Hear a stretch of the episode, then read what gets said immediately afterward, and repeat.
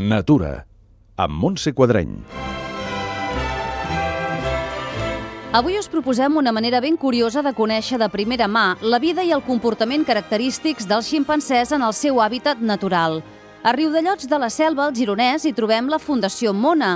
L'Olga Feliu n'és la directora i ens n'explica l'origen. La Fundació Mona es crea l'any 2000 perquè jo personalment doncs, havia estat col·laborant amb un matrimoni anglès que es dedicava a rescatar ximpancers de les costes espanyoles, que les feien, els feien servir per fer fotografies. I llavors, doncs, bueno, aquest matrimoni era gran i bueno, ja ho van deixar i jo vaig veure que encara el problema seguia existint a Espanya, perquè a mi encara em tocava pues, l'administració dient, ostres, tenim un ximpancer, què podem fer i tal.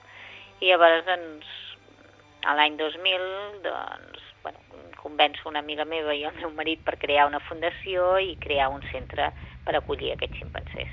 A través del seu Departament d'Educació pretén apropar el món dels primats als més joves. Sobretot conscienciar les generacions futures doncs, amb la problemàtica de tots els primats i, i de la desaparició de les selves tropicals. I llavors doncs, venen a escoles i fan activitats i, i jocs doncs, per aprendre sobre els primats i en general la, uh, la selva. I què hi trobarem? Tenim 13 ximpancers, ara fa poc ha arribat, fa només 15 dies, que van portar l última, que va venir de Canàries, i llavors tenim quatre macacs de Gibraltar. I què és el que trau més el visitant?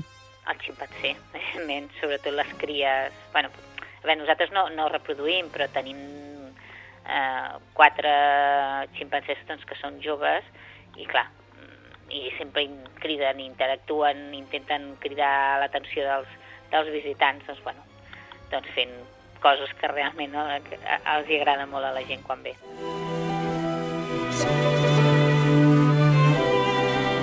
És curiós perquè moltes vegades doncs, la gent s'espera trobar doncs, els ximpancers com un zoològic i, i queden sorpresos, primer per l'espai que tenen, perquè tenen una instal·lació de 5.600 metres quadrats, tot amb herba, amb estructures per pujar, i després perquè no funcionem com un zoològic, que la gent pugui voltar al seu aire i cridar els ximpancers i fins i tot, com passa en molts llocs, llançar-los a menjar. Sinó que el que es troben és que hi ha una persona, una de les cuidadores, que, que els acompanya durant tota la visita i els hi va explicant tots, doncs, cada situació que, que es troben en el moment. Doncs, per exemple, que es trobin un ximpanzé que acabem d'associar amb un grup i comença a comunicar-se amb un altre, doncs els, li pot explicar per què, què fan, saps? com s'interpreta, també els expliquen doncs, quina era la situació anterior abans d'arribar aquests ximpanzés aquí, com estaven, Llavors, doncs això, la veritat és que quan s'acaben les visites, doncs la gent ho agraeix molt, perquè bueno, tothom té molta curiositat. Fins i tot quan vas al zoo veus alguna cosa i, i dius, ostres, què serà allò? I no tens a ningú que tu que, que et respongui la pregunta, no? I nosaltres, doncs, doncs estem constantment amb el visitant. La Fundació depèn de l'ajuda de les persones i entitats sensibilitzades amb el tràfic il·legal de primats i la seva explotació. Sobretot vivim de donacions privades de particulars, de gent que ve de visita i nosaltres no cobrem entrada, però demanem una col·laboració en, en la mesura que cadascú pot, llavors vivim d'això i de, de gent que, doncs, que es fa soci de la Fundació pagant 5 euros al mes o apadrina un dels ximpancers pagant 10 euros al mes. I llavors, des de fa dos anys, doncs, l'administració responsable doncs, dels, dels, dels animals economitzats ens dona 12.000 euros.